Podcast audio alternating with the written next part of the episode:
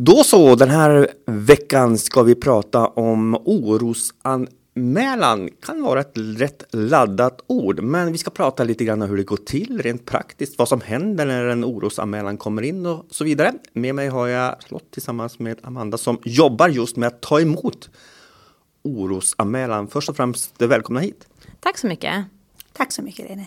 Ja, vad är det som händer nu om, om ni får emot en anmälan? Eller ska vi göra så här, Ehm, Amanda? På vilka sätt kan man lämna in en orosanmälan? Alltså egentligen så finns det hur många sätt som helst att lämna in en orosanmälan. Um, till exempel så finns ju våran e-tjänst som många använder sig av. Det går bra att ringa till oss och prata med oss. Um, man kan i ett personligt möte också berätta om, om sin oro för ett barn. Men i princip så finns det ingen väg som man inte kan göra en orosanmälan. Du kan använda en servett på kaféet som du sitter på och bara skriva upp att du, du, du vet att du ser Kalle här och han eh, är väldigt, väldigt elak mot ditt barn. Och kanske ge några exempel på, på vad som du har hört under ditt kafébesök. Och så kan du lämna in den, den servetten till oss och vi tar hand om det. Så det finns i princip inga vägar som man inte kan gå för att inkomma med en orosanmälan. Vilket är det vanligaste sättet? Alltså det är nog brev eller e-tjänsten och det blir också en brevform till oss. I en orosanmälan, vad måste finnas med? Eh, alltså en orosanmälan betyder ju att du har en misstanke om att ett barn far illa. Alltså det betyder inte att du måste veta att barnet far illa, utan du har en misstanke helt enkelt om att barnet far illa på grund av någonting.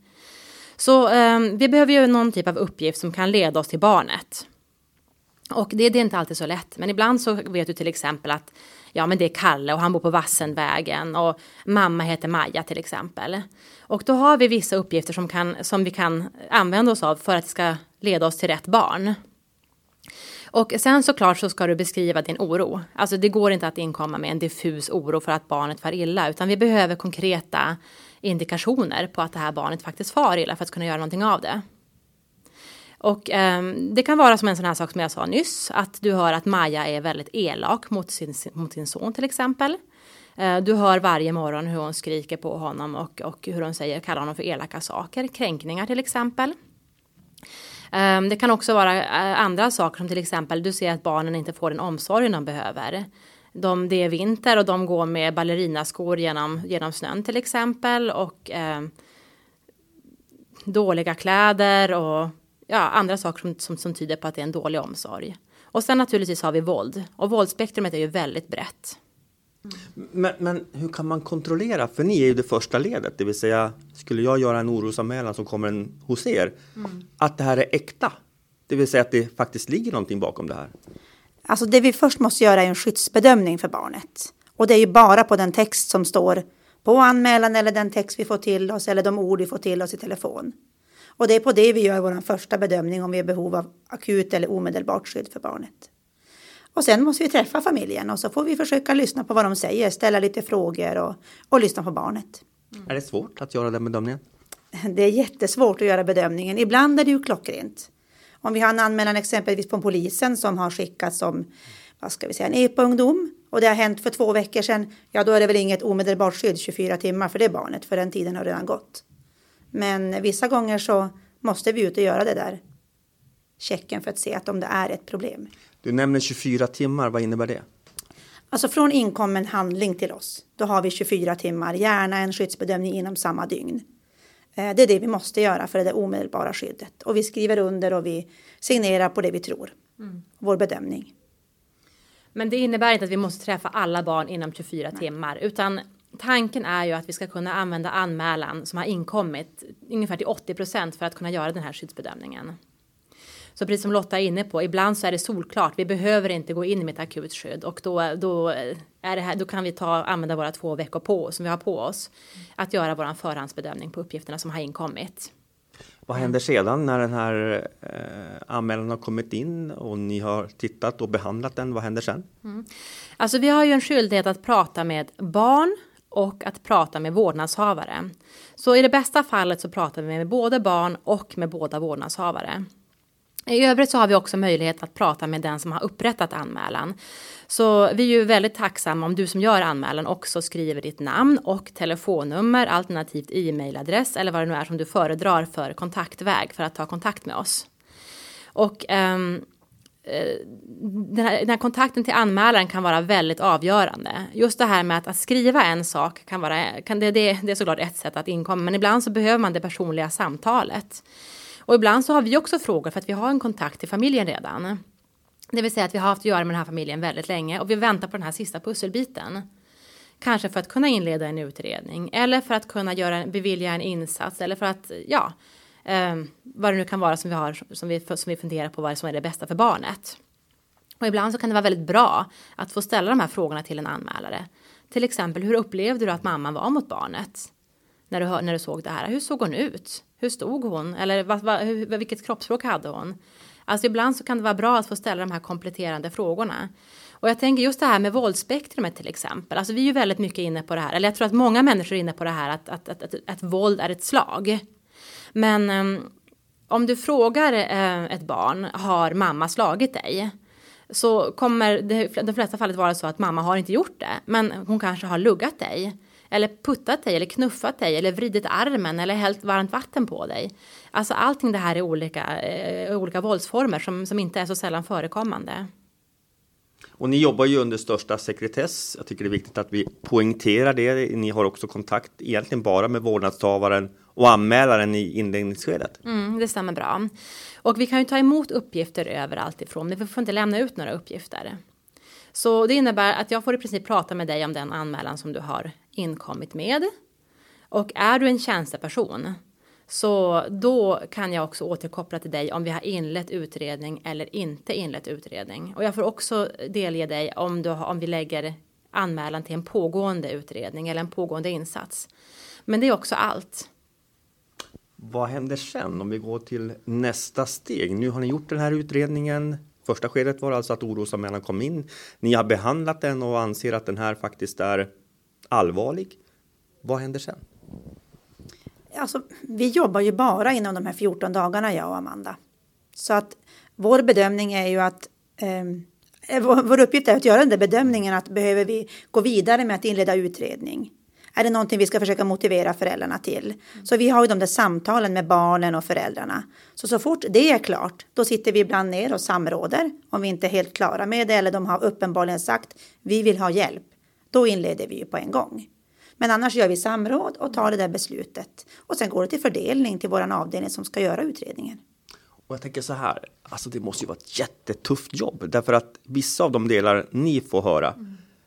är ju väldigt känsliga saker. Det kan ju vara enormt traumatiska saker för mm. den här mm. familjen som ni då ska göra en bedömning. Mm. Hur är det att jobba så mm. här?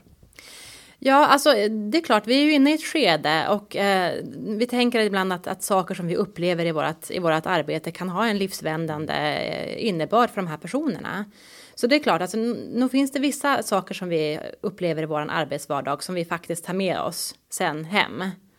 Och eh, så, som, man, som, man, som, som, som det är svårt att släppa.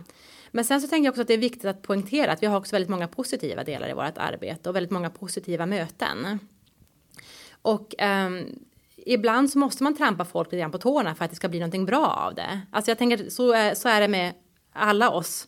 Att ibland så behöver den här personen som säger den där obekväma sanningen. Men i slutändan så tänker man att, att um, det kanske var bra att den här personen trampade mig på tårna just här och nu. Så att jag har möjlighet att, att, att, uh, att ändra på det här. Alltså en grej som är universell det är ju att alla föräldrar vill vara bra föräldrar. Alltså vi vill vara bra föräldrar åt våra barn. Alltså till och med de, de som är de mest tokiga vill ju vara en bra förälder. Så jag tänker att det är ju en perfekt grundförutsättning egentligen för att göra vårt arbete. Mm. Vad är det bästa med jobbet? Ja, men det är nog variationen. Och sen också att få folk att förstå att hur vill vi att våra barn ska säga att vi var som föräldrar. Att ska det vara något positivt eller lite grann åt det positiva hållet eller ska man bara minnas det där som inte var bra? Och där har vi väl möjlighet att vara med och förändra lite grann tankesättet också hos föräldrarna själva. Jag kan tänka mig så här också att ni genom ert arbete kan lösa en del saker redan i steg ett. Ja, men det kan vi nog göra. Jag tror att eh, många är lite rädda för att komma till oss och att vi ska vara dömande eller så. Men vi ska ju gå in med ganska hög tolerans till att det kan vara högt och lågt det familjen egentligen ja, är inne i. Mm. Och så försöka gemensamt med familjen komma fram till någonting som är bra. Och gemensamt kan vara att man inte ska inleda en utredning utan det räckte med det här besöket.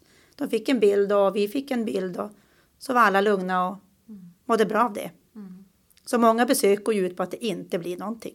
Och det tänker jag också, det måste ju vara en tillfredsställelse för, tillfredsställelse för er att faktiskt kunna hjälpa en familj som har sökt hjälp på något vis. För det är ju inte ett steg ifrån att, mm.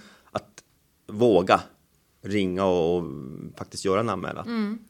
Alltså vi står ju väldigt ofta mellan anmälaren som kanske är en samarbetspartner till oss, till exempel skolan. Och då den enskilde.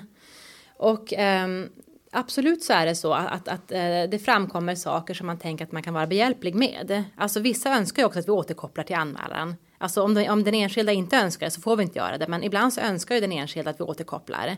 Till exempel vi har pratat med en rektor och rektorn har sagt ja men så här och så här och så här är det.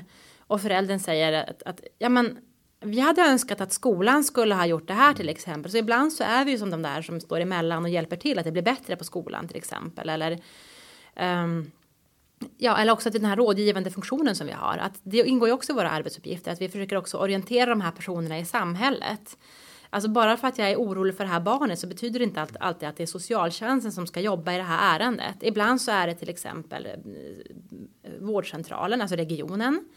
Um, ibland kan man tänka sig att det räcker för barn, föräldrarna att gå till familjerådgivningen eller vi hänvisar till familjerätten till exempel. Så det är inte alltid barnskyddet i den delen som ska vara aktivt, även fast barnet kanske har konsekvenser av, av faktorn som har utlöst anmälan.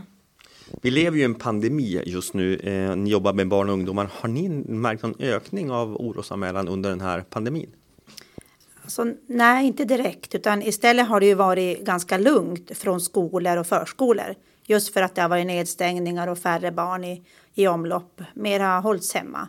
Så vi trodde väl på en ökning, kanske mer på våldsökning, men ja, jag vet inte om vi riktigt ser det så, utan det är en ganska stadig jämnström just nu, men lite från skolor och förskolor. Amanda, på vilket sätt kan en orosanmälan komma in? Eller hur kan man upprätta en orosanmälan? Alltså bortsett från hela det här våldsspektrumet som vi pratar mycket om så skulle jag vilja slå ett slag för det här med narkotikaanvändning och överhuvudtaget missbruk bland ungdomar. Därför att vi som nämnd har en ganska låg kännedom om de enskilda individerna som, som faktiskt är inne i någon typ av bruk. Men när vi pratar med vuxna missbrukare så framkommer det ofta att de har påbörjat sin, sitt missbruk när de har varit 13-14 år gamla. Så det finns en diskrepans från det som vi vet om gruppen och det som faktiskt eh, sker på individnivå, alltså vad gäller våran kännedom. Och um, då är väl mitt budskap till alla föräldrar att, att har du en misstanke om att ditt barn befinner sig i det här, så, så, så gör inte det här själv, utan ta kontakt av proffs.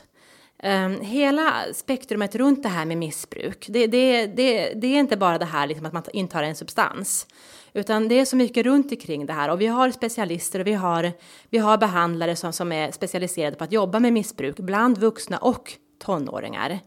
Så, så tveka inte att ta den här kontakten med oss. Alltså, misstänker du att ditt, ditt barn röker THC? Misstänker du att ditt barn eh, har tagit någon tablett eller du har kanske rent av tagit ett drogtest i hemmet? Så, så tveka inte att ta kontakt med, med, med nämnden och, och sök hjälp för din egen del och sök hjälp för barnets del. Men jag tänker där, om man nu misstänker att ens barn tar någon typ av droger, mm. droger så förnekar ju barnet direkt. Mm. Barnet kommer att säga att nej, det är inte jag eller det är inte mina tabletter eller mina cigaretter mm. och så vidare.